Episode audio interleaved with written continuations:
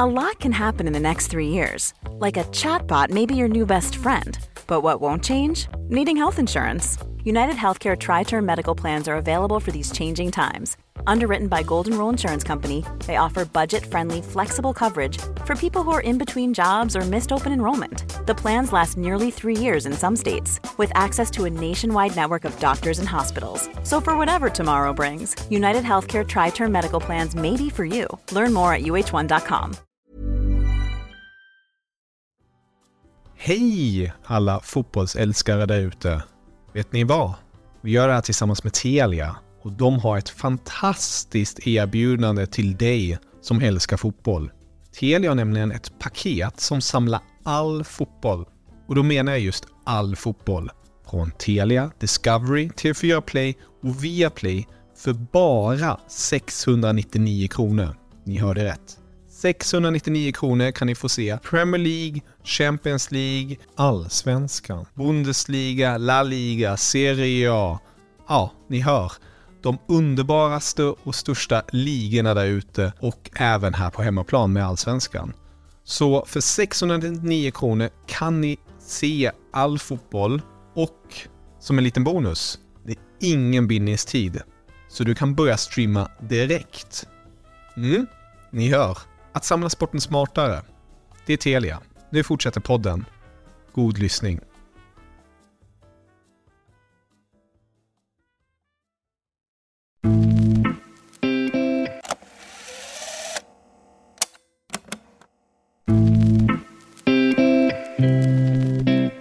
Inom kort drar Sveriges damer till Nya Zeeland för sommarens VM.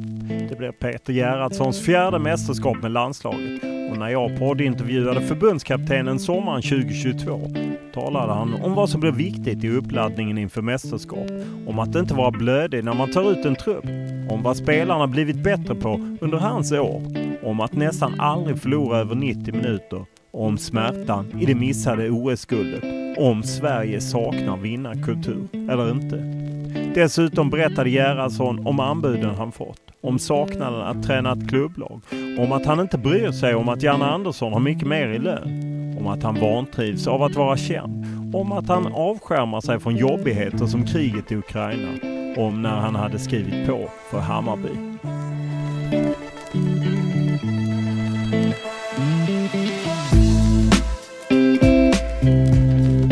Man vill också vinna, man vill stå högst upp. Inte bara ta sig till slutspel utan, och inte bara ta medalj, utan man vill, man vill vinna. It's third place for Sweden at the 2019 FIFA World Cup. And it is Sweden who will receive the bronze medals. And Canada have their first ever women's Olympic football gold medal. It is silver again for Sweden. Det enda Peter Gerhardsson saknar sen han tog över som förbundskapten efter EM 2017 är att få kliva högst upp på prispallen i ett stort mästerskap. Framgångarna med ett VM-brons och ett OS-silver har flyttat upp Sverige till en andra plats i världsrankingen bakom USA. Om bara några veckor ska Sverige spela EM i England och de gör det som favoriter. I podden pratar vi om vad som är viktigt i förberedelserna, om att skapa en vinnarkultur i laget och vad som krävs för att infria guldtrycket. Vi måste acceptera att vara favorit. Vi måste se oss som favorit. Vi måste ta det steget också för att eh, kunna vinna. Eh, och det är det jag tror att man, man, man kan göra. Inte tro att man kan underdogga sig genom ett helt liv liksom, eller ett helt fotbollsliv. Fotboll 2022 är mer än bara löpningar och taktiktavlor. Till sin hjälp har tränare idag analytiker, videomaterial och en mängd data om både egna spelare och motståndare. Och det handlar om att välja och att välja rätt. Så är det så att en enorm massa information bearbetas ner till mig och sen bearbetas det ner till, till spelare. Och här är också en individualisering som är mycket mer tydlig nu än vad det kanske var förut. Att eh, man visade allt för hela gruppen. Eh, nu är det så tycker jag att eh, vi har lärt oss spelarna. Vi vet vem som ska ha den här informationen. Och, eh, en del ska alla ha, men sen är det mycket mer individualiserat. Framgångarna för Gerhardsson med det svenska landslaget har inneburit att han fått flera anbud från klubblag och andra landslag. Med ett kontrakt som går ut om ett drygt år erkänner förbundskaptenen att det finns en saknad av klubblagsfotbollen.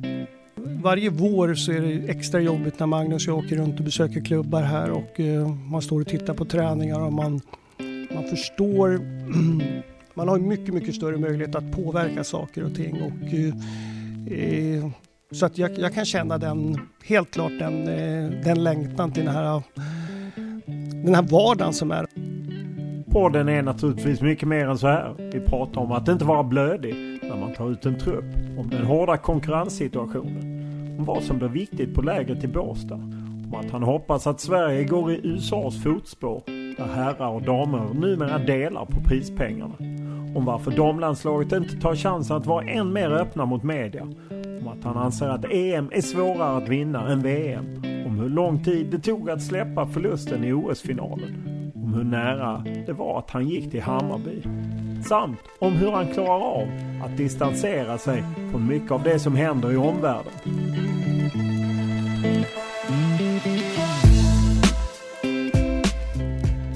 Ålder? Eh, 60, 62. Bor? Eh, Uppsala. Familj?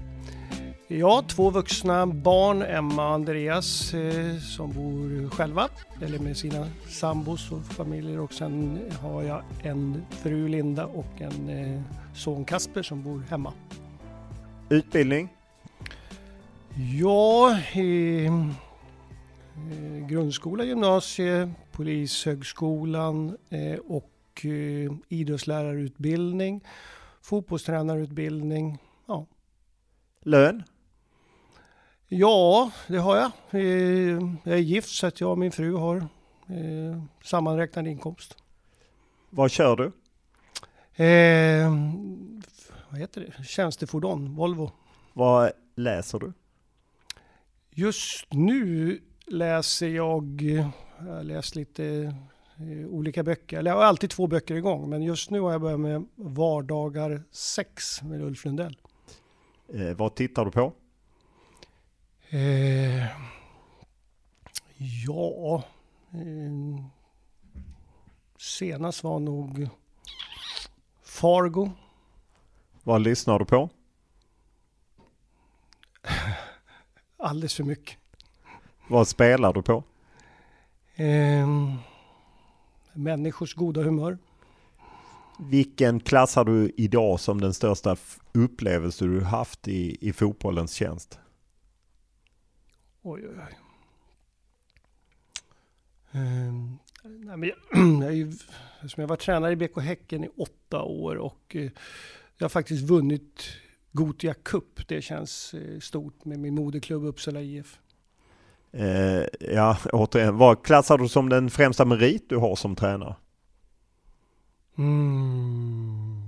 Nej, men det är ju, det är säkert något OS-silver eller VM-brons eh, med damlandslaget. Du har ju ett förflutet som eh, spelare. Vilken är den bästa tröja du bytt till dig? Jag har aldrig bytt till mig tröjor. Däremot så har jag en eh, om jag har den kvar, Kenneth Andersson-tröja från Bologna och Brolin-tröja från Parma. Eh, ja. Vilken regel hade du velat ändra på i fotboll? Flera. Eh, ett är effektiv speltid. I alla fall att det är effektivt när man, alltså all den här övertidstiden som man borde veta någon gång som tränare. Vad är det kvar? Och det känns väldigt... Sen skulle jag också vilja att eh, långa inkast, eh, och det hänger ihop där lite tid när man kan springa och byta från sida till sida. Så jag skulle vilja att man bara får kasta, man får inte kasta in i eh, straffområdet. Då skulle man få bort det, då skulle man få, få snabbare.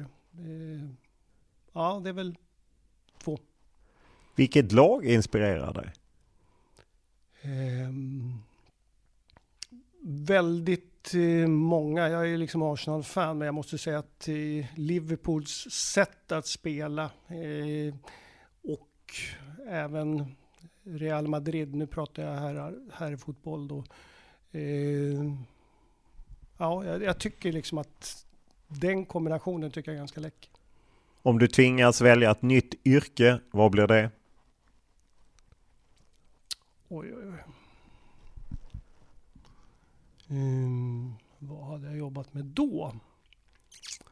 Ja, jag var på väg in i musikbranschen så jag hade väl, jag hade nog ja, varit lite talangletare på, på något stort eller litet independent skivbolag eller någonting sånt där. Vilken är din största extravagans? Eh, jaha, alltså... Nej men det är att köpa eh, konsertbiljetter alternativt naturligtvis festivalbiljetter. När jag har köpt något sånt då kan jag vara då är jag glad ända till jag kommer iväg på festivalen så är jag glad där också. Så att, och de köper man ett år innan så att det är lite mina grejer. Hur är du som bilförare? Eh, noggrann, farthållare, väldigt noggrann. Vid vilka tillfällen ljuger du? När jag behöver. Vid vilka tillfällen är du rädd? Um, ja, när jag funderar på vad, alltså, kriget i sig, men, men eh, ännu mer det här med, som jag tycker är hemskt med miljöförstöring och vad, vad hela jorden är på väg. Liksom. Det, när jag läser sånt så blir jag verkligen rädd. Inte kanske mycket för min egen del, men för mina barn och eh, ja, framtiden överhuvudtaget.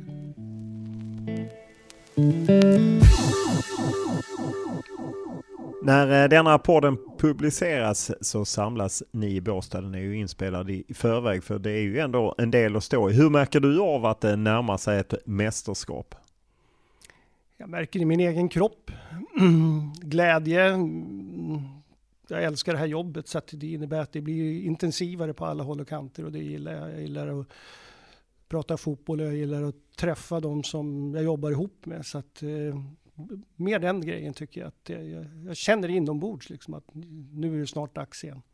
Det är, talas ju mycket om att det händer eh, hela tiden i, i, i damfotbollen. Känner du av någon skillnad om du jämför, går tre år tillbaka inför ditt första mästerskap i Frankrike VM kontra nu? Att, har du märkt av intresse, andra grejer som att du känner att temperaturen stiger? Ja, absolut. Mm, jag tycker att det är överhuvudtaget ett, ett, ett större intresse och eh, man kan säga att man går till sig själv så är det många i närheten, många människor som förut, man kanske inte pratar så mycket damfotboll, pratar väldigt mycket nu. Att ett större allmänt intresse liksom i bekantskapskretsar och, och allting sånt där. Och, eh, media till viss del, men jag följer inte det slaviskt sådär. Men mer kanske alla människor runt omkring och grannar och jag vet inte, allt i närheten. Eh, innan ni åker till England, eh, ni samlas i Båstad nu och sen åker ni till England, ska ni möta Brasilien, luta åt publikrekord på Friends Arena. Vad betyder det för dig?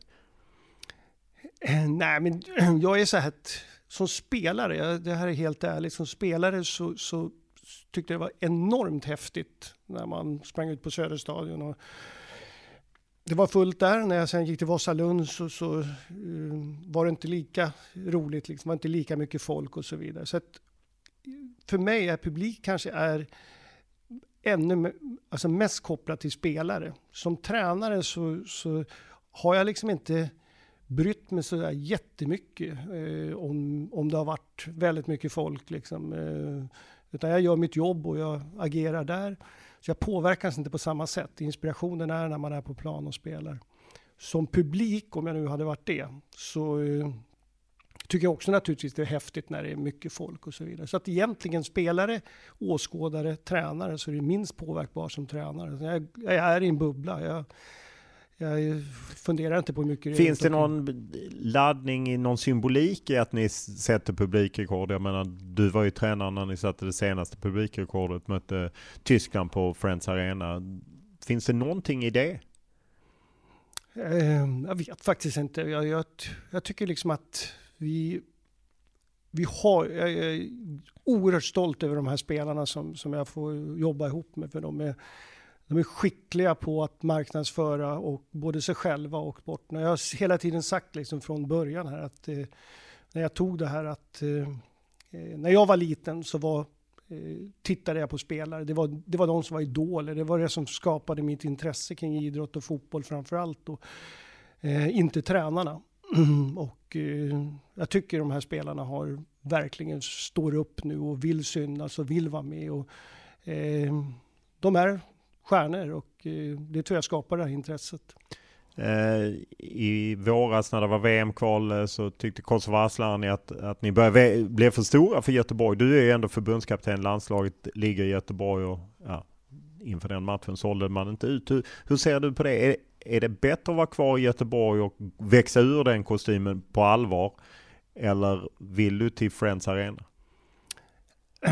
Man kan väl säga så här att jag, jag, vill, jag vill att det ska vara fullt på, på, på läktarna. Tittar man på klubblagsfotboll så, så är det klart att det är mycket häftigare att vara i, i, i Vittsjö och det, och det är fullt än att vara på Tele2 och det är lite folk. Så att svaret på den frågan är egentligen när, när det kommer tillräckligt mycket folk så ska vi anpassa arenan till, till, till den då.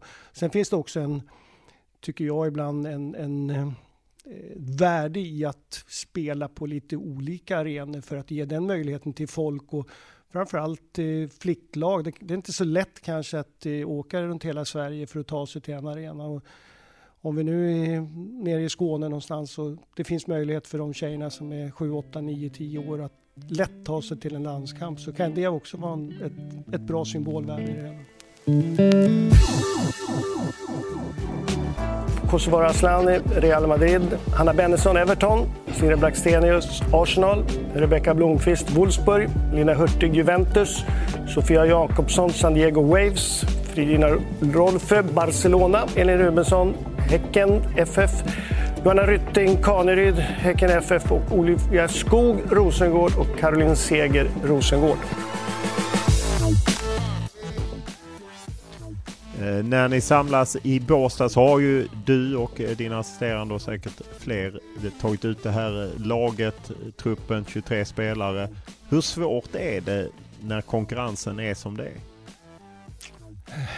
Det är lika svårt egentligen som det var 2017 känner jag. För att vi, vi har väl det var ungefär lika många spelare som man känner 2019 menar du? 2017 var väl... Eh, ja men då började vi. Ja, så okay, det, var första, det, var, det, var första, truppen vi tog ut då. Men mästerskap, rätt 2019 där.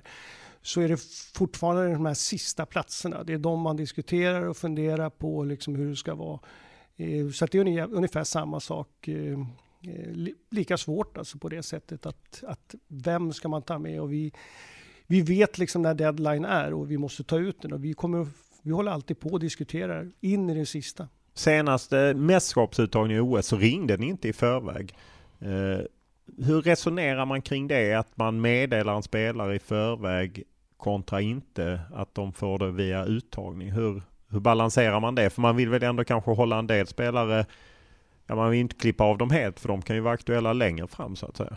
Ja, precis. Nej, men vi, vi valde det från både VM och OS och, och även nu då så, så är trupputtagningen liksom det, det är då alla får officiellt. Sen är det precis som du säger så är det viktigt att att eh, ha liksom en relation med de här spelarna som inte kommer med för att det kan komma återbud och att vi behöver veta är de tillgängliga, var befinner de sig och så vidare för att kunna snabbt kunna ansluta i så fall. Eh, och eh, en del av kontakterna kanske man kan ta innan, men det, det mesta tas, i det här fallet så tas, tas, kommer det tas efteråt. Då. Eh, om man säger, du har ju själv upplevt det OS 88 i Seoul där du var med lite i kvalspelet och sen inte blev uttagen av Benny Lennartsson. Vilken hjälp har man av att man har upplevt situationer som den själv?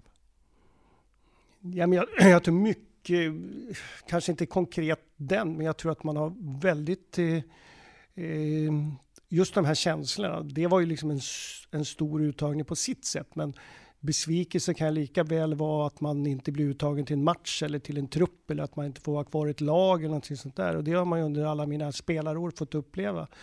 Um, så att jag förstår absolut liksom besvikelsen och det här är ju människor som har satsat allt, gjort allting vad de, för att kunna komma med. Så att det är en det är det grymma i det här jobbet. Det är naturligtvis att... Hur ofta blir man blödig i ett sånt läge? Ah, vi låter uh, den personen. Det finns ju en klassisk scen från 2002 när eh, Marcus Albeck spelar och Lasse Lag det bandas Lasse Lagerbäck, Tom Söderberg vet ju inte om det men de Tom Söderberg är det väl som inte vill knäcka killen och ta av den kontra Lagerbäck vill ta av den av det sportsliga skälet. För jag menar, hur ofta blir man blöd?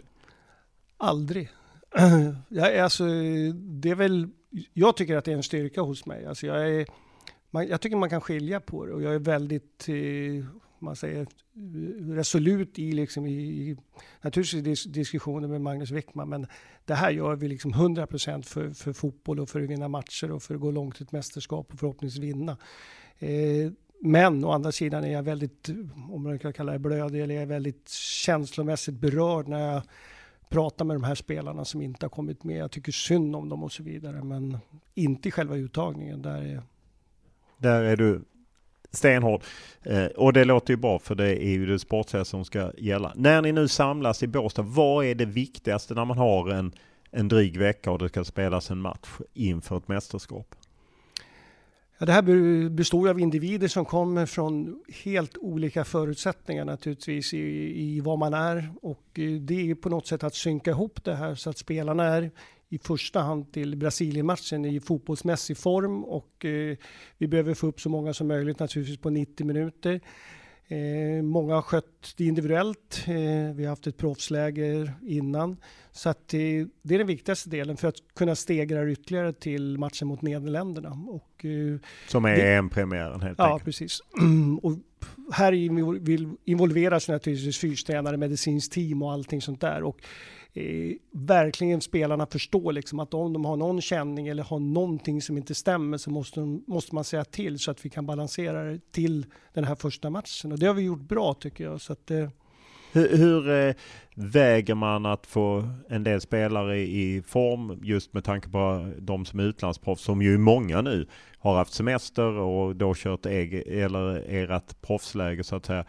Kontra att kanske sätta några taktiska idéer eller det här måste vi nöta på, det här måste bli bättre till det här mästerskapet. Hur, hur väger man det? Spelarna är Eh, 100% viktigast i det hela och det handlar inte bara om fysiska delen, det är också mentala delen och eh, få de här. Och jag tycker det finns två bra exempel. 2019 så hade Caroline Seger, kommer jag ihåg, problem med någon rygg eller någonting sånt där. Så att Båstad gjorde hon inte speciellt mycket. Jag vet inte hur mycket hon spelar men hon var ju liksom en av våra viktigaste kanske i, i, i VM sen och eh, i OS hade vi Magdalena Eriksson som inte spelade första matchen och sen ja, spelade resten och så vidare. Så det gäller att ta hänsyn till den både fysiska och mentala delen i det hela. Det innebär att en del spelare spelar väldigt mycket så de behöver, de behöver få sin ledighet för att vara liksom 100-procentiga där. Så att 100% spelare, sen får de taktiska delarna komma i andra hand. Eh, hur mycket lägger man på att få ihop gruppen? Eller är den här gruppen, även fall den har spelare har bytts ut. Är den här gruppen redan så etablerad med tanke på många mästerskap, kvalspel? Pandemin har ju tryckt ihop schemat. Behöver du inte lägga så mycket på att svetsa ihop gänget? Nej, det behövs inte. Utan de här är... Ja, vi har ju liksom... Ibland tror jag att det kan vara när man kommer in som ny ledare som vi gjorde 2017 där.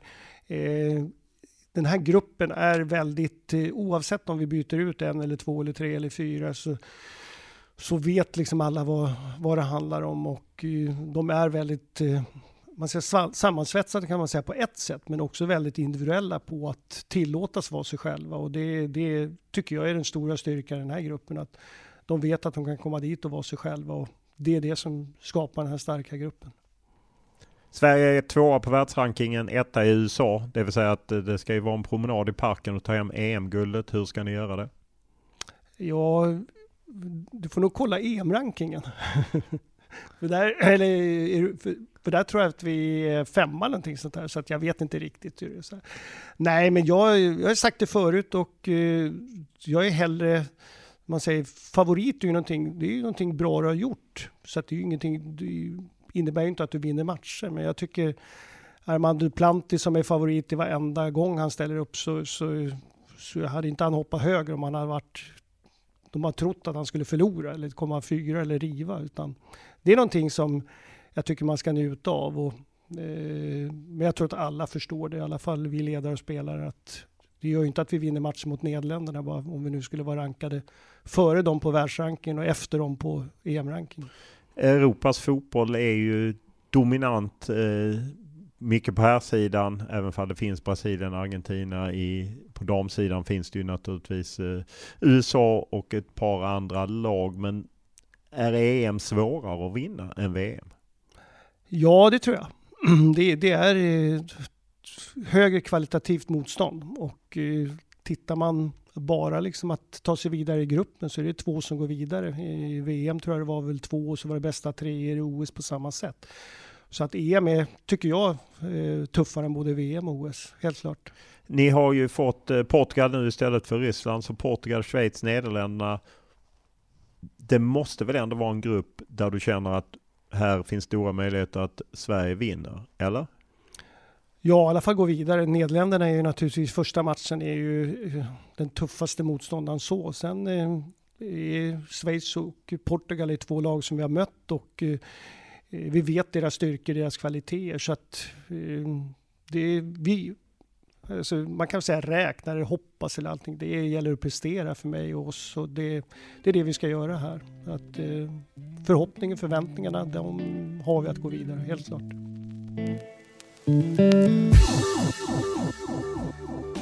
Och när man går fram till straffpunkten så är det redan klart egentligen. Men eh,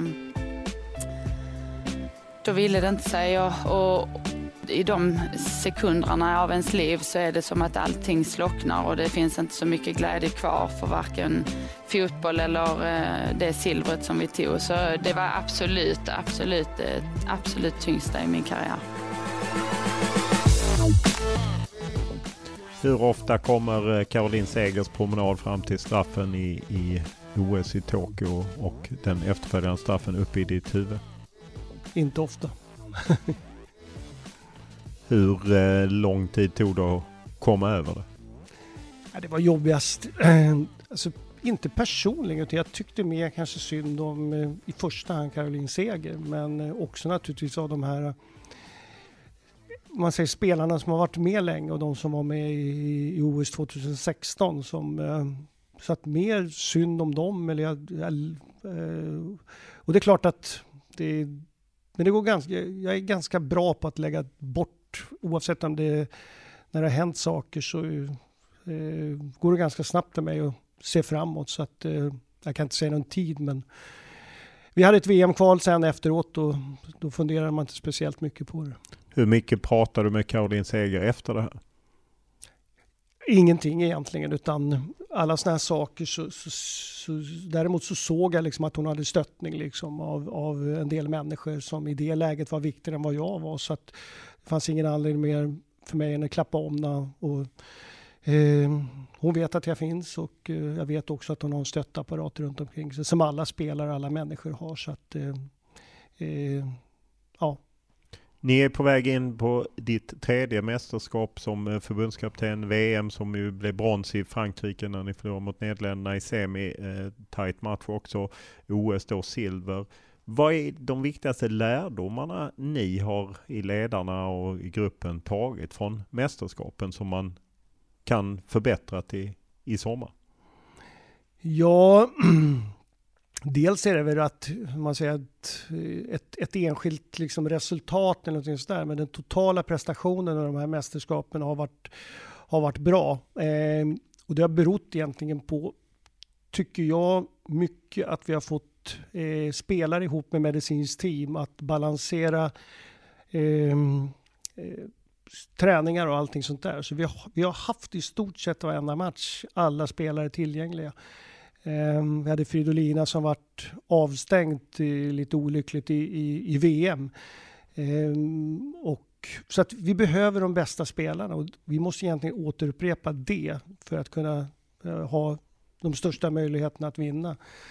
Eh, spelmässigt så har vi skaffat oss erfarenheter eh, med att vi är flexibla i vårt sätt att spela med formationen, däremot inte i våra attityder. Där är vi tuffa mot varandra att så här Sverige ska spela fotboll. Och, eh, vi har gjort mycket bra. Ibland handlar det om att när man har ett landslag kontra ett klubblag så är det att repetera det man har gjort. För de kommer från sådana här klubblag och vi, vi måste snabbt få, få dem att förstå liksom att eh, det är så här vi spelar i landslaget. Och, eh, eh där utgår vi väldigt mycket från individerna, spelarnas skicklighet. Så att eh, spelar i bra form så har vi större möjlighet, helt klart. Eh, ser man tillbaka på eh, resultaten så är det, och över 90 minuter då, jag menar Kanada var ju straffar, så är, man får ju gå långt tillbaka för att hitta en förlust i en tävlingsmatch. Minns du senaste förlusten i en tävlingsmatch? Ja, wow, tävlingsmatch. Ja, och då räknar ja, jag faktiskt inte Algarve. För det är Tyskland-Algarve 2020, men innan det är det ju Nederländerna i VM-semin. Ja, och då, var det, och då kan man lägga till om det inte var efter full tid, då hamnar man på USA i så fall. Ja, just det. Det är jag som eh, glömde bort att det avgjordes i förlängning. Ja, nej, det, vad är det ni har fått till liksom i att, att ni är så otroligt svåra att besegra? Ja, alltså det, det, det är ju liksom någonstans, de här spelarna eh, utvecklas i sina klubbar och det är jättestor skillnad. Nu har jag liksom erfarenhet både som klubblagstränare och förbundskapten och eh, de, eh, de gör ett jättejobb där hemma i klubbarna och sen när de kommer till oss eh, och vi får låna in dem så, så har de varit eh, eh, fantastiska på att ta åt sig det som vi har velat i, från början 2017 i, i sätt att spela sådär. Men vi har, jag tycker att vi har fått dem ännu mera eh, självgående, eller ska man säga. Att, eh, de vet sina roller, men de tar ett större och större ansvar i det hela och väldigt bra på att coacha varandra, vilket gör ibland att eh, för oss handlar det mer om att sätta ihop, eh, hitta de Eh, bästa spelarna naturligtvis, men också de bästa relationerna i laget, mer än att spela exakt så här mot det här motståndet och så vidare. Utan spelarnas individuella skicklighet är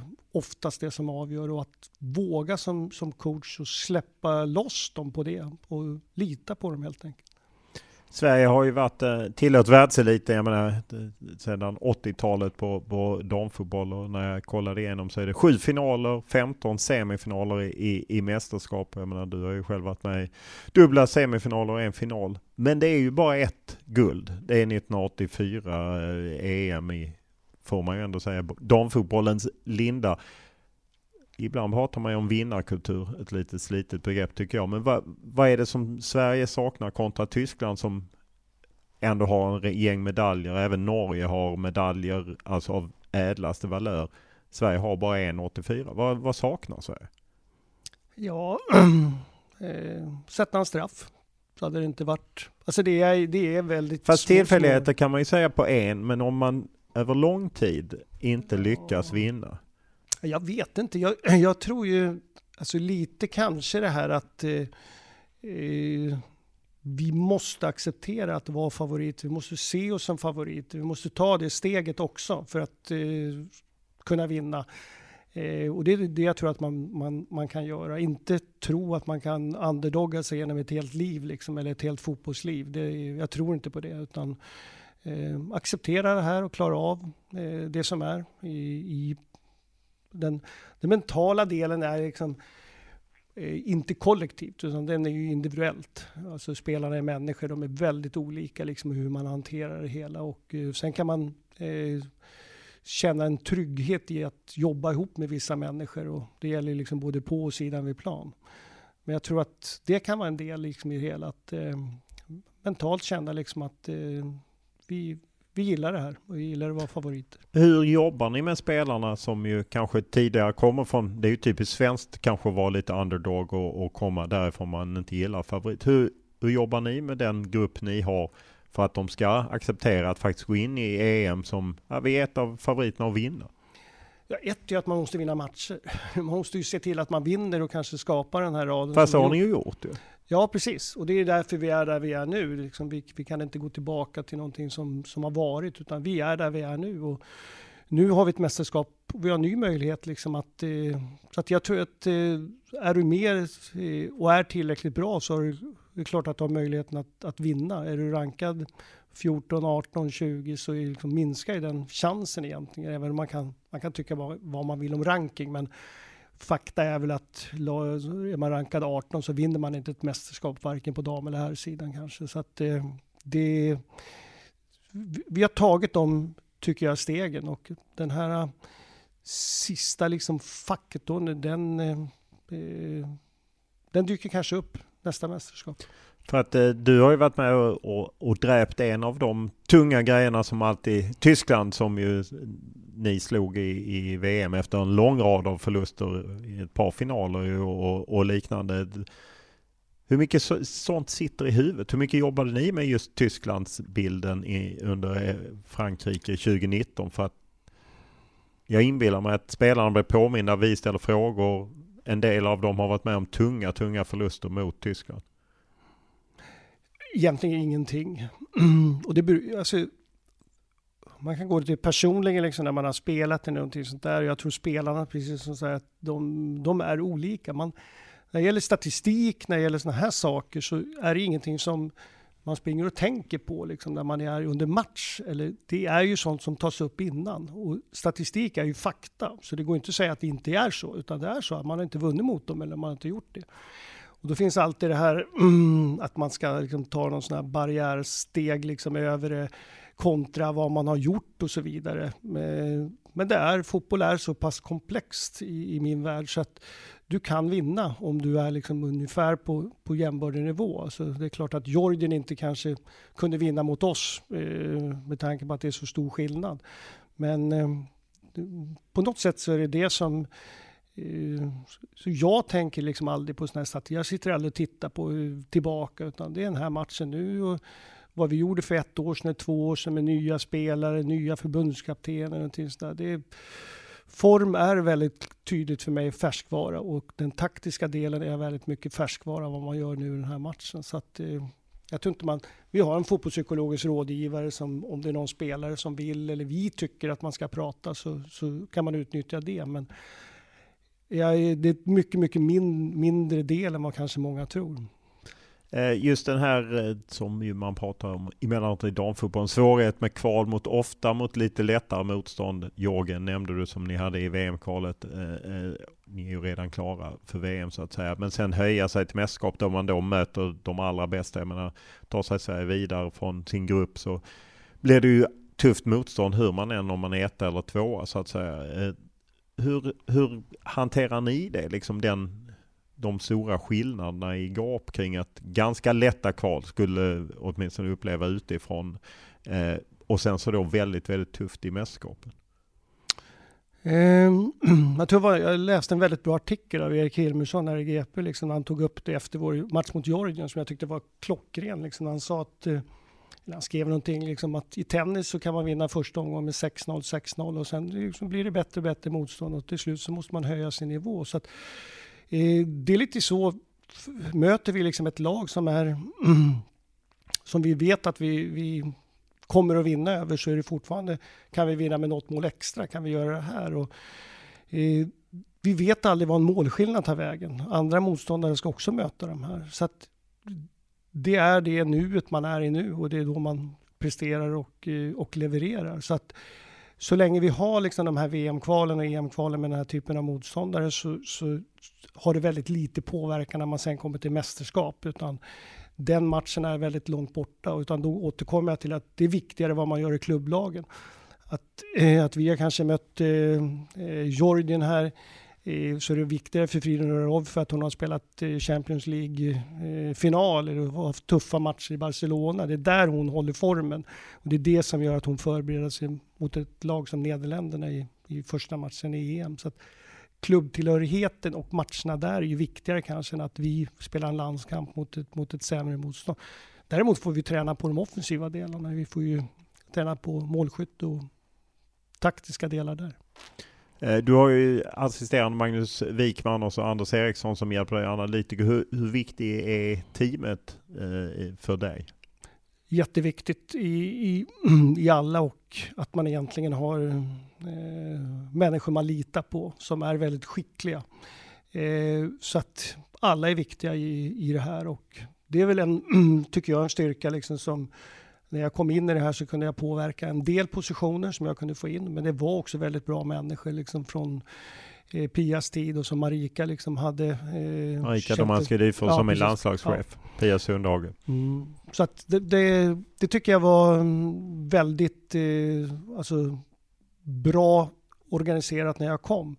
Och de är väldigt viktiga i det hela. Men viktigheten är också att jag vet att det är jag som bestämmer. Jag vet att det här är människor som säger åt mig om jag, om jag tycker att jag är ute och eh, gör något oklokt. Det är fortfarande jag som fattar besluten. Så att jag har, jag har stöttning och det är kanske en viktig del i det hela när man har den rollen som jag har. Men också har vi väldigt roligt faktiskt. Eh, du har ju en lång karriär som spelare men sen även som tränare. Hur ser du på just hur allt runt omkring, det som man Norge kallar väl stöttapparaten, nej men runt omkring att det har vuxit, analytiker, video, allt det. Hur, hur balanserar man att det blir lagom så att det inte blir för mycket av statistik, analys och annat? Nej, men det, det tycker jag är ganska bra på. Jag, man kan säga här, vi, vi jobbar på lite olika sätt då, liksom, där, man, där man kanske tittar mer på delar, typ fasta situationer, man tittar på eh, uh, speluppbyggnad, man kollar på dem och gör olika analyspaket av det. Medan jag ser hela matchen, jag ser liksom helheten och så får jag hjälp liksom att titta på, eh, bryta ner de här matchdelarna. Men jag tycker om att se helheten för att vissa delar i en match eh, är beroende på resultat och det är beroende på kanske var matchen är på väg, varför man fattar de besluten. Så för mig är det viktigt att ha det här övergripande i, i det hela. Sen är jag så är det så att en enorm massa information bearbetas ner till mig och sen bearbetas det ner till, till spelare. Och här är också en individualisering som är mycket mer tydlig nu än vad det kanske var förut. Att eh, man visade allt för hela gruppen. Eh, nu är det så tycker jag att eh, vi har lärt oss spelarna. Vi vet vem som ska ha eh, den här informationen. Och, eh, en del ska alla ha, men sen är det mycket mer individualiserat. Och några spelare ska inte ha så mycket information för de ska ut och spela fotboll och inte tänka så mycket på olika taktiska delar och vissa kanske vi behöver peta in lite mer taktiska delar i det hela. Så att den individuella coachingen är jätteviktig även när det gäller sådana här saker, precis som du säger med massa information. Det går ju att få hur mycket som helst. Så att det, det är egentligen ett 24 timmars jobb om du skulle grotta ner i allting. Hur mycket tar du del av exempelvis Janne Andersson, Peter Wettergren? Pratar ni någonting om erfarenheter, tankar, mästerskap eller eh, sköter ni separata verksamheter helt och hållet?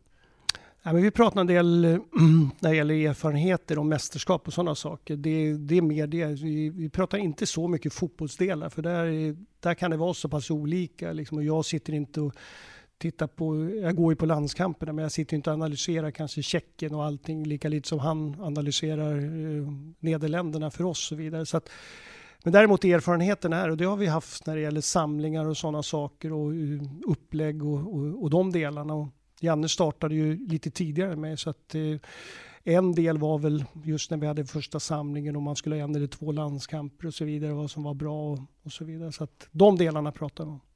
Eh, under din tid, du, jag upplever att du skruvat en del på spelsystemet. Ibland har du tre i backlinjen, ibland har du fyra. Hur tänker du inför EM?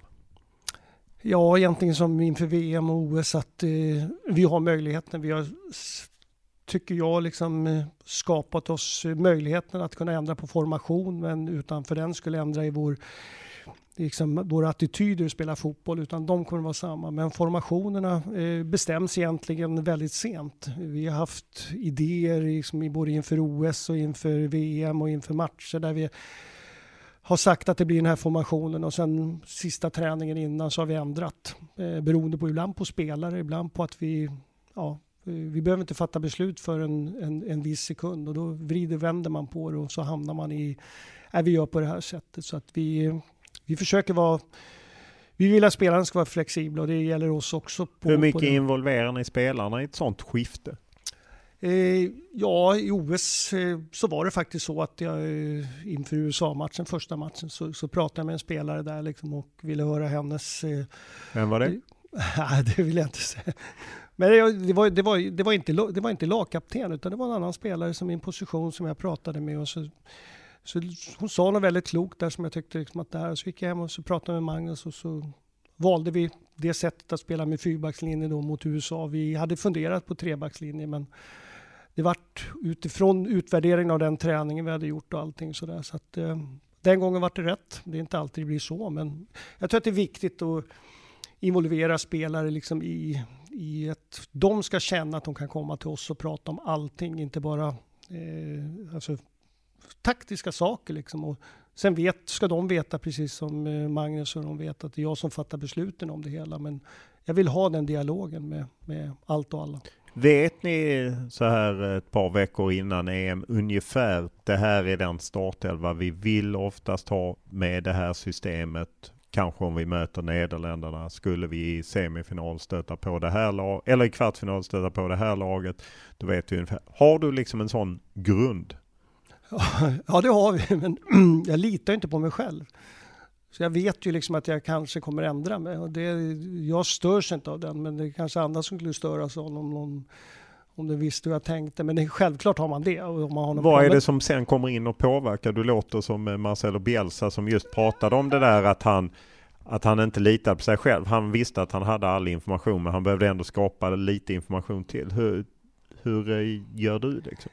Nej, men det, det, då pratar man med människor, alltså spelare, eh, ledare naturligtvis, och liksom när man har om man verkligen ska göra det. Sen är det ju så att fram till en viss tid så kan det ju, kan det ju vara så att du, du inte behöver fatta beslutet och jag vill gärna vänta. Jag vill inte liksom göra, jag vill ha den här processen igång. Jag vill, jag vill verkligen känna, liksom, stå för någonstans 100% ärlighet mot mig själv. Liksom, att jag har tänkt igenom allting, jag har funderat på allting och då är det också tillåtande att ibland det svänger i, i, i, i, i olika saker. Men det, det, som är viktigast är alltid spelarna. Alltså de, de uh, spelarna som uh, um, är viktigast ska vara på plan. Och de, de går alltid före eventuella formationsdelar i det hela. hur mycket påverkar motståndare? Ja, det, det, finns också med naturligtvis, men det är svårt att säga hur mycket. Men det är självklart liksom att det gör det. Det kan vara, vara både, både offensivt och defensivt naturligtvis. Och jag har sagt som ett exempel är ju 2018 var det va, när vi i VM-kvalet eh, mot Danmark borta, när vi bestämde liksom att vi skulle markera bort Pernilla Harder, att vi och det var ingenting som var självklart och det, det, är inte så lätt att träna på den saken heller utan det var mer information att, att, att göra på det sättet och eh, det blev lyckat den gången. Eh, det kanske inte var så många som tänkte på det men det var en instruktion till, inte punktmarkera men däremot liksom att ett par spelare som vi visste kommer att vara nära att när hon är där så markerar hon, hållna felvänd och så vidare. Så att, eh, lite av sådana saker av naturliga skäl när man tittar på motståndare så ibland vet man inte riktigt eh, vilket lag motståndarna kommer med. Och är det någon av de här spelarna som man ibland behöver markera så är det viktigt att veta att de är med. Annars så är det inte så mycket att göra åt. Eh, känslan är också att ni gör lite överraskande grejer. USA-matchen i VM 2019 när ni ju byter ut väldigt många spelare. Det, ni, det var väl någon liknande match i, i OS där ni också bytte ut. Hur, hur, hur resonerar ni kring sådana lite större skiften? Ehm, ja, I VM är det ju, det var faktiskt bara en spelare som hade kunnat spela den matchen. Annars så var det ju frågan till det medicinska teamet var där när vi skulle möta USA i VM. Det var hur många kan spela 90 minuter mot USA? Hur många kan spela 120 minuter mot Kanada? Eller det hade kunnat bli Spanien tror jag det var. Eh, och då fick de göra en bedömning, titta på spelartruppen och kolla. Ja, då fick vi liksom svar att ja, hon kan inte spela, hon kan inte spela, hon kan inte spela, hon kan, hon kan spela. Och utifrån det så var ju naturligtvis, vi var ju klara för, för åttondel, så det viktigaste var ju den matchen. Så att det var egentligen ingen svår laguttagning. Eh, utan mer baserat på att vi behövde ha ett väldigt starkt lag mot, eh, i åttondelen. Eh, I OS var det lite annorlunda, för där handlade det väl mer om kanske att vi, var, vi var naturligtvis också klara. Så att, eh, jag tycker att vi i OS hade en jämnare trupp, vilket gjorde liksom att eh, de här spelarna mot Nya Zeeland eh, borde liksom kunna göra kanske avlasta en del spelare i det hela. Och, så att det är lite olika beroende på eh, i de lägena. Så att det var inte samma, samma orsak. Eller? Eh, tvåa på världsrankingen, femma då på Europarankingen. Eh, vilka landslag ser du som de, liksom, de som utmanar er som favoriter?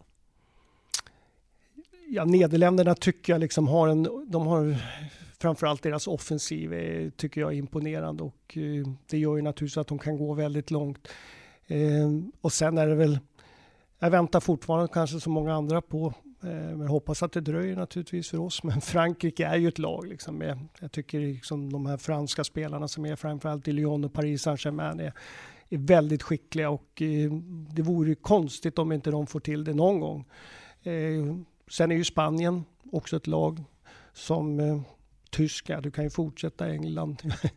ja, det finns många bra lag men eh, framförallt kanske Frankrike förväntar jag mig liksom att de, de ska kunna vara med i, ända in i sista i år.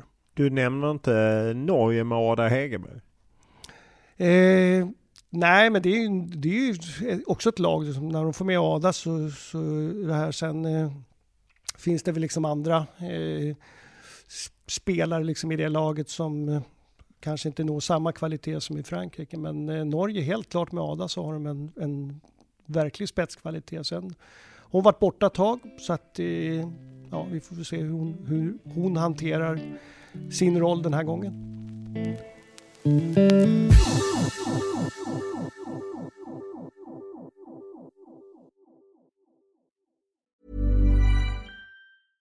Ryan Reynolds here from Mint Mobile. With the price of just about everything going up during inflation, we thought we'd bring our prices down. So to help us, we brought in a reverse auctioneer, which is apparently a thing. Mint Mobile unlimited premium wireless. Ready to get 30, 30, bit to get 30, bit to get 20, 20, 20, bit to get 20, 20, bit to get 15, 15, 15, 15 just 15 bucks a month. So, Give it a try at mintmobile.com/switch. slash $45 up front for 3 months plus taxes and fees. Promo for new customers for limited time. Unlimited more than 40 gigabytes per month slows. Full terms at mintmobile.com. A lot can happen in 3 years. Like a chatbot may be your new best friend but what won't change? Needing health insurance. United Healthcare Tri Term Medical Plans, underwritten by Golden Rule Insurance Company, offer flexible, budget friendly coverage that lasts nearly three years in some states. Learn more at uh1.com.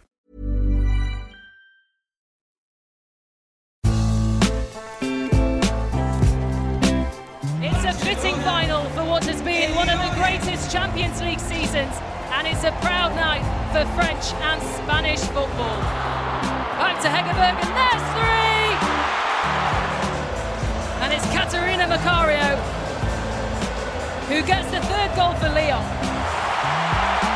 It's the captain, Alexia Putellas.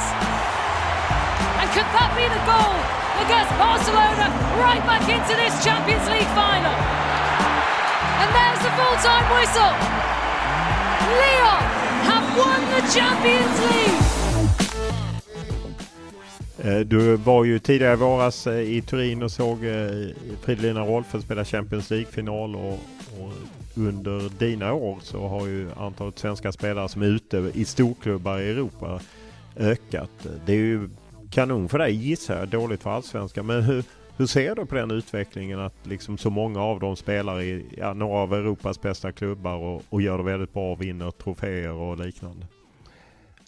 Ja, för det första så får man ju se på ett, på ett individuellt, alltså så är det ju fantastiskt tycker jag, att få spela i de här klubbarna som är jättestora. Att få, jag har varit och besökt några, några stycken och eh, de har ju, alltså ta Barcelona som tränar på samma träningsanläggning som herrarna och fantastiska planer och, och, och allting sånt. Och också signaler som det skickar till alla, alla små tjejer liksom hemma i Sverige som ser att man kan få spela i de här stora klubbarna. Det, det har öppnat ett helt annat helt annan möjlighet för, för svenska spelare att kunna komma till det här än, än vad det var förut. Och, då kanske bestod av eh, mer liksom, damklubbar. Här, här har de ju fått liksom, förutsättningarna på ett helt annat sätt. Ekonomiskt, träningsmässigt och, och, och hela den delen.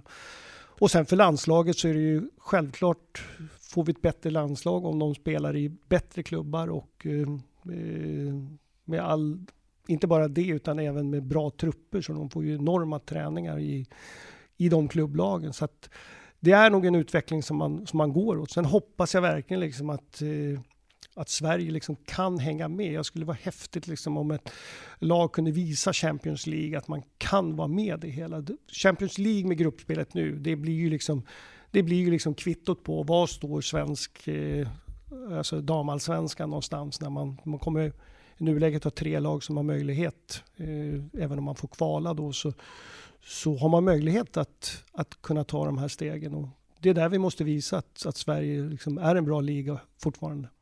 Eh, 2017 kom du in som förbundskapten. Då är det ju fem år och under den här tiden har ju många flyttat ut och eh, bytt klubbar till stora klubbar. Vilken skillnad ser du på kvaliteten på spelarna och utvecklingen de har haft under de här fem åren? Eh, på många olika plan. Jag, ty jag tycker, om man börjar med den fysiska delen, så tycker jag liksom att det, det tränas ju naturligtvis med, med, att vara heltidsproffs och inte behöva kanske liksom kombinera med jobb eller skola och sådana saker. Så, så gör att du kan träna mer och, och, och, träna tuffare. Och vissa lag tränar ju enormt mycket mer kanske än vad man har, eller spelarna är inte vana vid det. Eh, men nu successivt så har man ju fått den delen.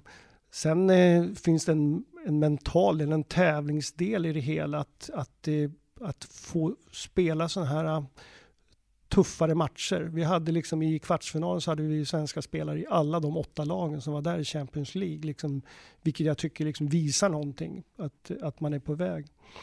Eh, och det gör ju också att de här tekniska kvaliteterna, jag ser ju en del spelare som jag tycker, när jag får dem till landslaget nu, har ju förbättrat sin tekniska kvalitet. Och det är klart att vi kan inte förbättra eh, avslutsteknik eller mottagningsteknik på de passen vi har, utan det måste göras av klubbar och indirekt måste göras av spelarna själva. Liksom att jag vill göra det, jag vill stå kvar på en träning. Det kommer inget lag efteråt eller jag är inte för trött så att jag måste gå hem nu och satsa och plugga och så vidare. Utan jag kan stå kvar och nöta avslut eller passningsteknik eller vad, vad det än är. Så att det, det måste vara rätt häftigt att se den utvecklingen. Ja, absolut. Ja, det, det, det skulle man haft själv som spelare, men det hade man inte. Eh, om man ser till det du, jag menar, du hoppas svenska klubbar kan hänga med senast. Eh, det Häcken är enda lag som spelat gruppspel. De hade ju rätt tufft och tappade ju direkt eh, ett gäng spelare ut. Eh, att, och, ja, det är väl inte för vågat att, att konstatera att svensk fotboll kanske får svårt att hänga med klubbfotboll. Vilken risk i det långa loppet eh, är det för landslaget? Eller är det bara av godo att Hanna Bennison och alla drar ut och får bättre förutsättningar? Eh, det innebär ju kanske, det beror ju på, det får ju, när det gäller klubbar så är det klart att förhoppningen för ett svenskt landslag är ju att det blir fler talanger som får spela. Alltså vi har Bea Sprung i Rosengård nu som får spela och... 17 år är ja, riktigt duktig spelare. Ja, precis. Och så att det, det, kanske öppnar upp möjligheten där och då får vi ju liksom en, ett mycket bättre på så sätt att de här unga F19-landslaget nu har ju Mm, Caroline har ju sagt det liksom att det är många spelare som får ha bättre med speltid i, i de allsvenska klubbarna och det är klart att det kan vara en anledning till att, att eh, eh, de bästa A-landslagsspelarna försvinner utomlands. Så att, eh, på så sätt också naturligtvis en positiv del. Eh, det är ju mer fokus kring landslaget. Du hyllade tidigare i podden att eh, de är duktiga spelarna på att bygga sin eh, ja, liksom ut, marknadsföra sig så. Jag som journalist upplever att de stänger alldeles för mycket kring sig, även ni i landslaget. Borde ni inte ta chansen att liksom, ni är ju som herrarna eller till och med svårare än herrarna? Alltså? Ja men det är, det, är, det är svårt att komma i kontakt med spelare. Det är ju inte jag ensam om att, ha vittnat om. Att det är svårt att komma i kontakt, svårt att liksom göra grejer. De styrs av spelare och jag menar din, en av dina största stjärnor, Kosova Asllani, tycker det är helt rätt att man stänger till och att man går åt herrarnas håll. Eh, borde man inte ta chansen att vara öppnare och vara något alternativ till den stängda herrfotbollen?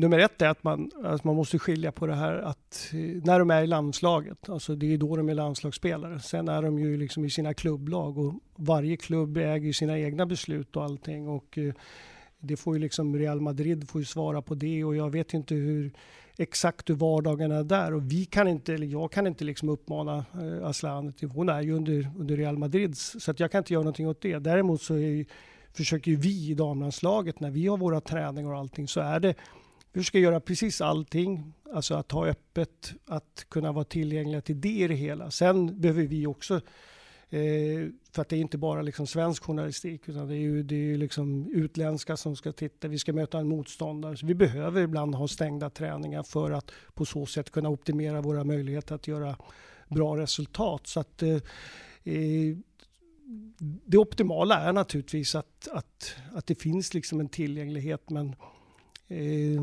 jag vet inte, det, det, är en, det är en mycket tuffare värld nu tror jag än det var förut med sociala medier och allting sånt där. Och, eh, vad som skrivs och allting sånt där. Och, eh, Upplever du att det är ett annat klimat? Ja, absolut.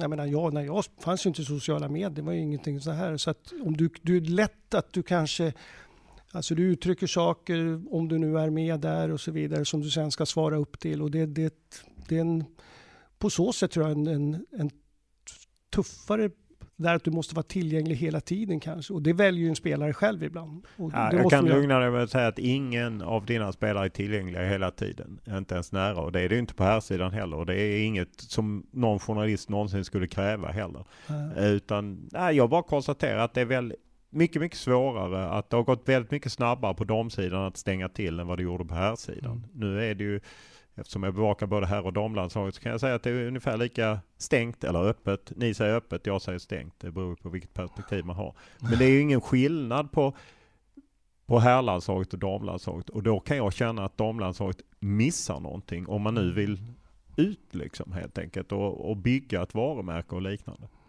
Ja, nej men jag, jag fortfarande så är det liksom att då, då måste ju frågan ställas till vad vi kan göra liksom i damlandslaget och vi och det, min, gäller, min det gäller bara era samlingar och ja, precis. Det, det är bara då vi har dem tillgängliga. Sen mm. Nej, det, det vet jag. Det, utan det är det jag pratar om. Jag mm. pratar om att man åker på ett EM med herrarna eller damerna så är det ungefär lika stängt slash öppet mm. beroende på vilket perspektiv man har. Mm. Och det kan jag undra över att är du ens med i de diskussionerna eller är det någon annan som tar dem?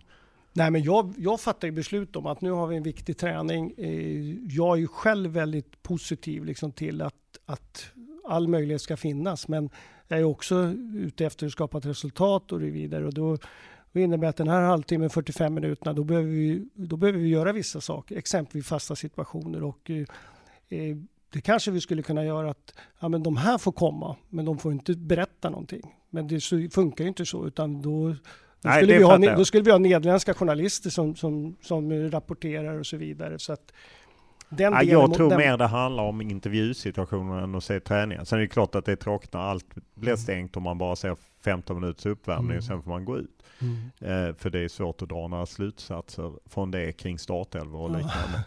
Men sen, ah, sen, har inte jag, alltså när det gäller vilka spelare som ska prata någonting, det vet inte jag, det styr inte jag. Nej. Alltså vad är, efter, Nej, det vad är efterfrågan och allt det där? Eh, mer per dag än, ah, okay. för det är rätt begränsat. Det var mm. väldigt begränsat VM 2019, eh, ja. Mm. Ah, ja. Jag är mer intresserad av hur du såg på det, att jag upplever att man borde ta chansen och, ja, att vara någonting annat mm. i en fotbollsvärld som är rätt stängd. Men vi får väl gå vidare. En annan långdragare har ju varit det här med ersättningar som ni ju till slut fick jämställt. Du har ju inte så att säga påverkats av det. Men hur, hur viktigt tycker du är att fotbollsförbundet till slut gick dit? Att här är de här ersättningarna, förutom prispengar som vi inte kan styra Fifa och Uefa. Men att det är lika mycket för Caroline Seger och för Victor Nilsson Lindelöf. Ja, de här, var, jag, var, jag var med en de bok som hette Män som eh, leder kvinnor. Tror jag var. Då var det en som hette Ruben Salander som sa något, tycker jag, väldigt klokt. Han sa att det, det, handlar om revolution eller så handlar det om evolution. Och jag tycker liksom att någonstans är vi på en evolutionsresa liksom, där det här händer. Och, eh, min chef Marika Demanski Lyfors har varit med under många år och eh, hon har liksom sett liksom att allting går liksom åt rätt håll. Allting liksom går på det sättet som man hoppas. Sen eh, vill man ibland att det ska gå väldigt snabbt och så vidare. Men eftersom jag sitter inte, min, jag sitter inte med i någon ledningsgrupp, jag sitter inte med i, i, i de här beslutsfattande, vad som gäller och vidare, utan eh, jag kan bara liksom, eh, säga det som Marika eller som Jens T Andersson sa nu här, som är vår nya fotbollschef för både dam och herr, liksom, att det går åt det här hållet. Och, eh, fattar man det beslutet så är det klart att det vore, det vore perfekt. Sen i USA så, i USA är ju de är ja, USA, det får man ju förklara ja. för folk då. USA har ju gått ett steg längre. Där har ju förbundet nu vikit sig för damerna. Så man kommer pola alla prispengar man spelar in under en fyraårsperiod och dela det jämnt herrar och damer. Det vill säga att man kan ju säga att USAs herrar som när de går till VM spelar in mycket mer pengar trots att damerna gör bättre resultat eller sportsligt så får de mer pengar. Men de har gått med på att dela det och man har löst det. Det har ju inte Sverige gjort. Eh, Nej, men det är en skillnad där, sen vet inte jag hur mycket det påverkar, liksom, men de, i USA är de anställda av amerikanska fotbollsförbundet, så de har ju lön därifrån. Eh, svenska är ju, de har ju de är ju anställda av sina klubbar och har liksom de, de avtalen och så vidare. Sen får man ju flika in att det finns ju amerikanska spelare som inte är anställda Ja, av amerikanska ja. fotbollsförbundet. Det finns ju bland annat massa män som spelar i Europa och det Mm. finns ju även damer som spelar i Europa. Mm. Och där, där vet jag inte riktigt hur det ser ut. Men Nej jag, men man har, eh, Svenska fotbollsförbundet har ju gått ett steg i rätt riktning just att Mm. man har exakt lika ersättning men man rör inte prispengar. Det har USA. Hade du velat se att fotbollsförbundet gjorde som USA? Att man delade på prispengar över en fyraårsperiod? om man ska tolka liksom de diskussionerna som är, eftersom man inte sitter med i de diskussionerna så är det säkert väldigt komplext eftersom man inte har kommit dit. Men eh, jag tror att och hoppas att man ska komma dit. Sen när man gör det, det vet jag inte. Det kan vara efter min period och så vidare. Men eh, det finns en logik i det hela. Och eh, Logiken till marknaden då, att det är mycket större intäkter på här mästerskapen. Nej men, det, nej men det finns en logik i att komma dit till det beslutet att det ska vara lika. Alltså den, det finns liksom, tycker jag, eh, och, och det är det som eh, Marika och Jens T liksom nu eh, pratar om. Så att vi får se vad de kommer dit. Men det, det, Ja, det du, du hoppas att de, eh, oavsett om det sker under din tid eller ej, men du hoppas att, att, Ja. vi ska, att Sverige ska närma sig USA helt absolut. enkelt. Eh, om man säger att du har ju mycket lägre lön än Janne Andersson, eh, vilket ju också blir en signal att, att man liksom herrarnas förbundskapten tjänar x miljoner och damerna, så jag menar ett tag var det till och med så att herrarnas assisterande tjänade mer än vad du och Magnus Wikman tjänade ihop. Eh, hur ser du på den signalen som förbundet sänder? Jag tänker, alltså helt ärligt ska jag säga så här, att jag tänker inte så mycket på det. Jag kan förstå frågan och jag kan förstå utifrån att man tittar på det. Eh, men det är någonstans, eh, vad ska man säga, eh, det är upp till mig egentligen. Alltså jag förhandlar. Fast du representerar ju Jag någonting. förhandlar eh, och jag har, jag vet inte, men förklara hur jag fungerar så är det så att eh, alltså rättvisa någonting sånt där för en utifrån, det kan jag tycka. Men jag fungerar inte riktigt så som människa, att jaga rättvisa överallt eller att det ska vara det. Eh, och det handlar egentligen liksom om en lång historia, hur man är uppväxt och allting sånt där. Och det handlar om, man kan komma in på det, jag läste någonting med Schopenhauer här, att du kommer upp till en viss nivå när det gäller ekonomi eller när det gäller liksom att ha det bra, så är du nöjd. Jag jagar lycka, jag jagar liksom att vara nöjd någonstans i livet mer än att jag måste ha lika mycket eller mer som andra. Och det innebär att under hela min, eh, mitt liv egentligen, så jag har aldrig förhandlat, aldrig förhandlat om en lön, oavsett om det är klubblag eller om det är eh, polis eller om det är idrottslärare eller någonting. Utan jag har fått den här lönen. Den här får du. Och så har jag accepterat ja eller nej. När jag skulle förlänga med BK Häcken så, så var det så här att eh, jag fick frågan. Vill du förlänga? Och jag sa så här. Ni har budget. Ni vet vad jag är värd. Ni ger mig ett erbjudande. Jag vet vad de andra allsvenska tränarna tjänar och jag vet det. Och ni har bara en chans, sa jag. För att om jag inte tar det så gör jag någonting annat. Vilket gjorde att det tog lite längre tid för dem att fatta beslutet. Och så kom de med ett erbjudande och så tittade jag på det och så sa jag ja. Och samma sak här. När jag liksom fick fotbollsförbundets förfrågan så var det samma sak. Så sa jag att ni vet vad budget är, ni vet. Och det är någonstans att det kan vara en svaghet, men jag ser det som en styrka hos mig som människa. Det är att jag litar på människor, jag litar på folk. Och skulle det vara så då att, att jag blir lurad eller någonting så, ja. Jag vet inte om det förklarar liksom min, min, min, min, min syn på det hela. Att jag vill inte hamna i, i eh, att det ska vara rättvist eller någonting Nej, sånt. och, jag, jag tror att eh, alla förstår det. Sen blir det ju så att du symboliserar ju också någonting. Du är förbundskapten för damlandslaget. Eh, om fotbollsförbundet väljer att betala en fjärdedel till förbundskapten för damlandslaget och av vad förbundskapten för herrlandslaget får, så handlar inte det om Peter Gerhardsson egentligen, utan det handlar om symbolpolitiken i att damer får det här, herrar får det här. De som jobbar för damlandslaget får det här, de som jobbar för herrlandslaget. Det blir någonting annat än Peter Gerhardsson och det var mer det jag var intresserad Mm. av, om Ja, det- hur du resonerar kring. Det, det förstår jag, men det, det förtar ju inte mig liksom som, som människa vad jag ska göra, utan jag, jag fungerar på det sättet och eh, Det, Det är så helt enkelt. ja. Eh, en annan sak, jag menar, det blir ju ändå så att man det projiceras ju massa andra frågor. Jag menar Ryssland ströks ju, det, det var ju ännu skarpare för herrlandslaget som skulle ju möta dem och riskerade sin VM-plats när de sa att vi möter inte Ryssland. Du var lika, var det självklart för dig att liksom följa förbundets linje där att vi möter inte Ryssland i EM?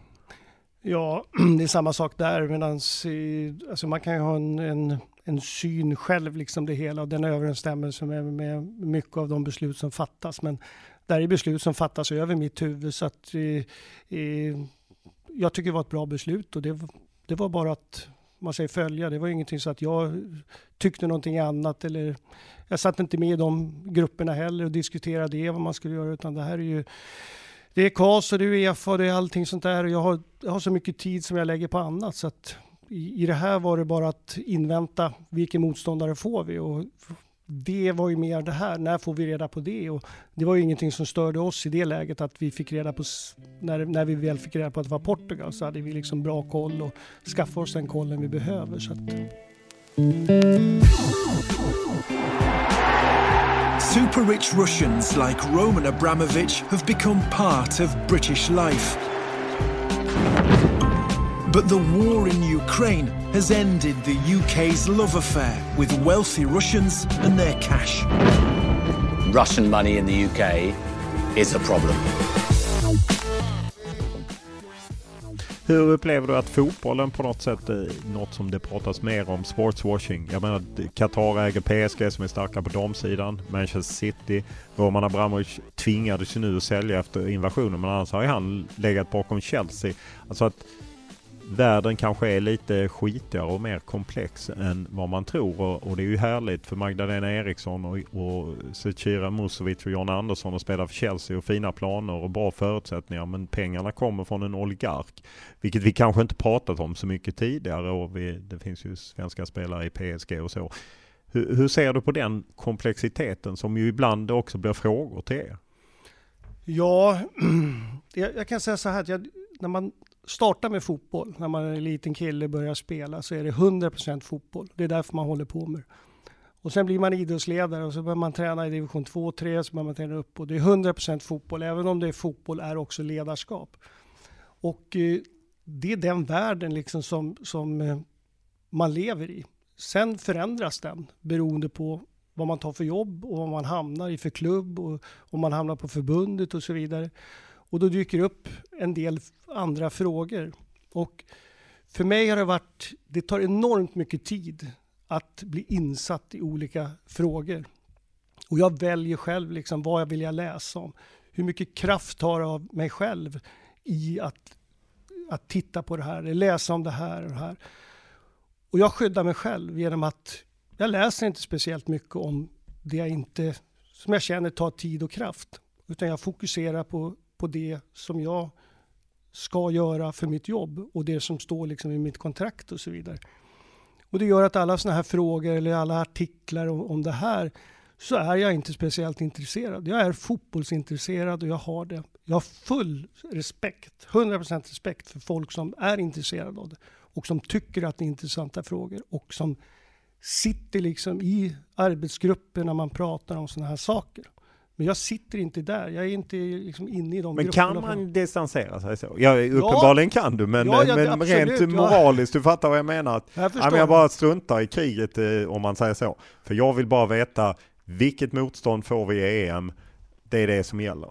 Ja, jag är ganska bra på det. Och tar du kriget som exempel så var det liksom så här att jag måste ju, jag måste ju på något sätt tänka på mig själv. Alltså jag, Eh, jag tycker liksom att egoism är en bra egenskap ihop med empati.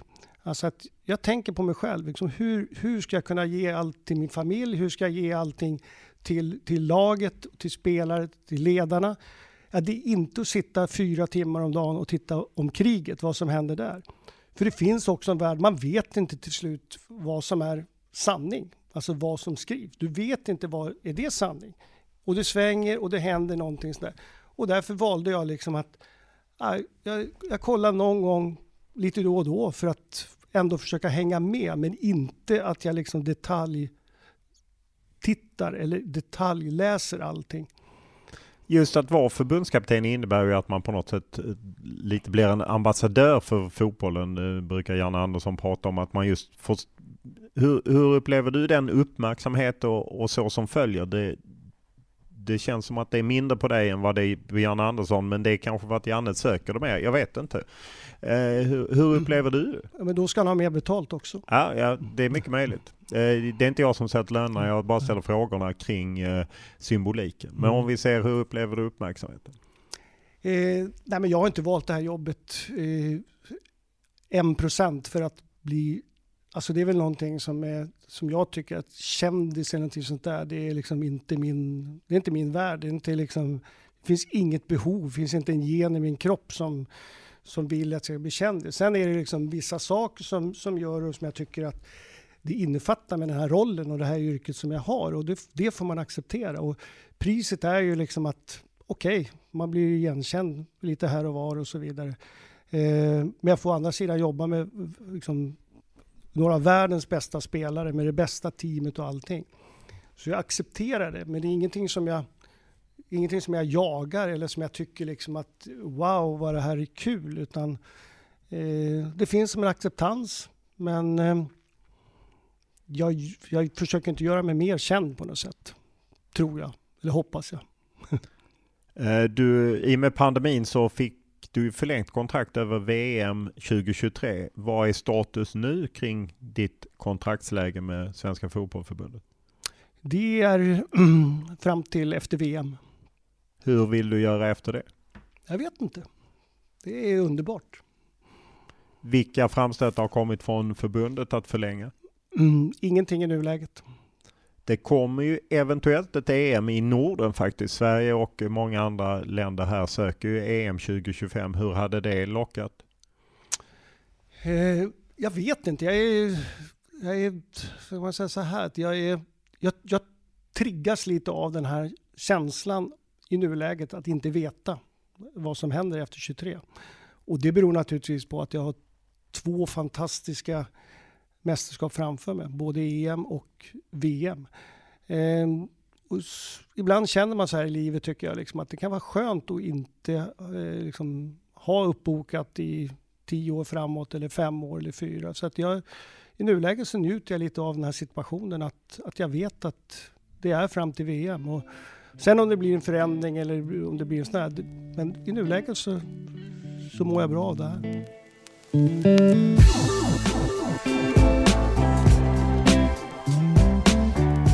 BK Häckens eh, huvudtränare Peter Gerhardsson går in på sin eh, åttonde säsong. Om du inte blir kvar på hissingen hela ditt liv, vad är drömjobbet? Ehm, ja, jag vet inte. Det är väl eh, en utopi kanske, men Wenger har alldeles för många år så att liksom, det är mitt favoritlag Arsenal.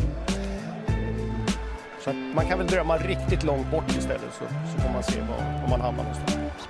Lovar du en friplåt på första matchen? Jag lovar det.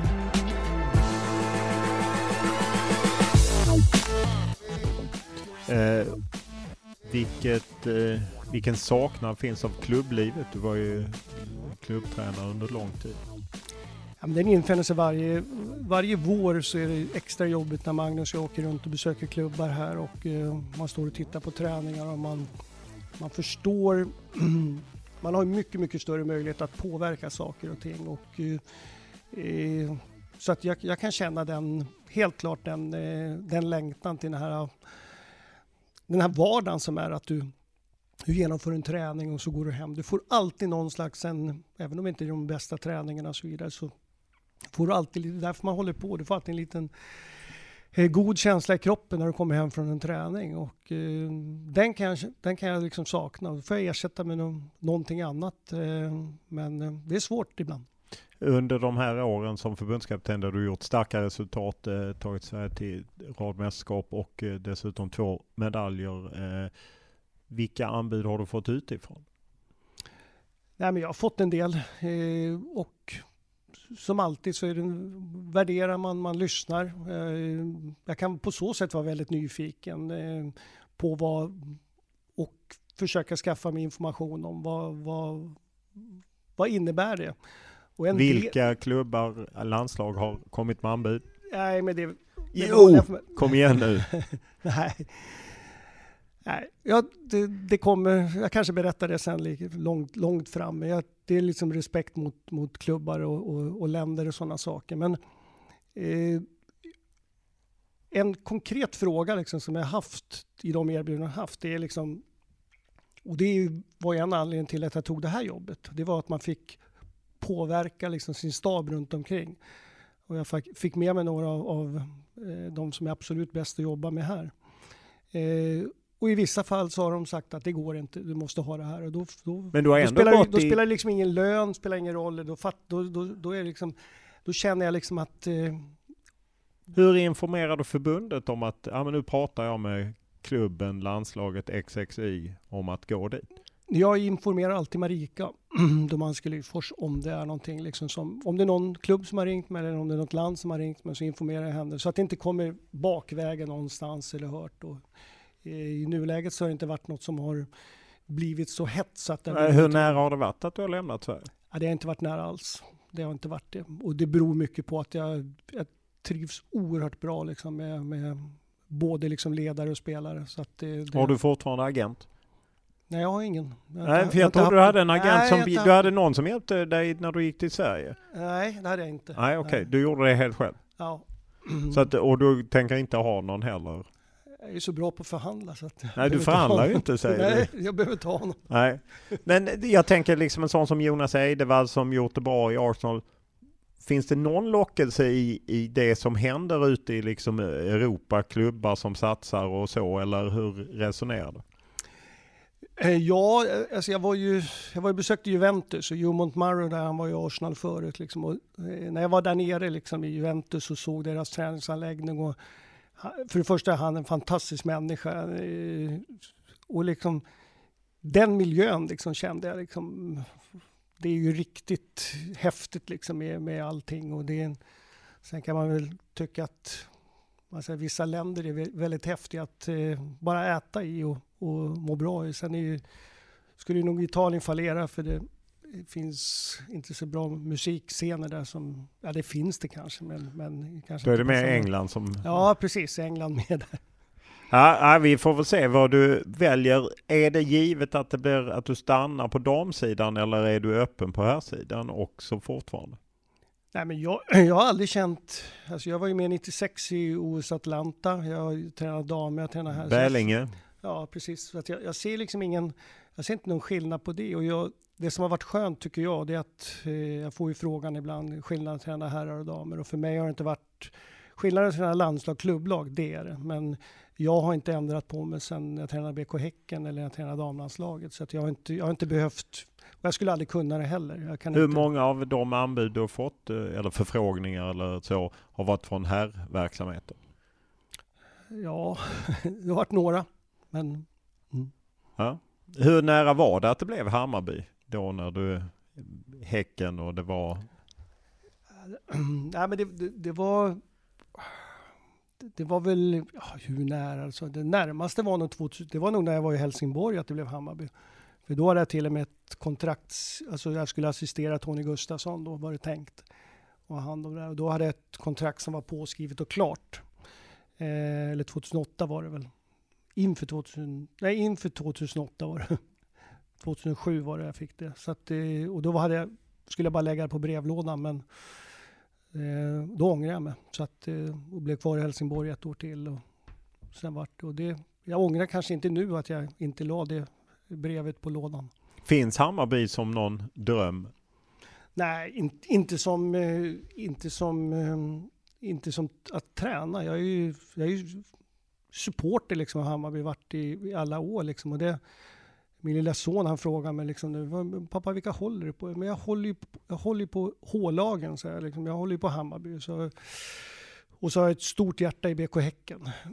Så jag har lärt mig det, att man kan hålla på två lag. Och åker jag ser Hammarby-Häcken eller åker jag ser Häcken-Hammarby så jag kan inte innan säga vilka jag kommer hålla på. Utan jag, är, jag tycker det är jättesvårt. Och det har med relationer att göra när det gäller Häcken. Alltså att jag, jag, känner att det var så oerhört fina, viktiga år i mitt liv och människorna som jobbar där.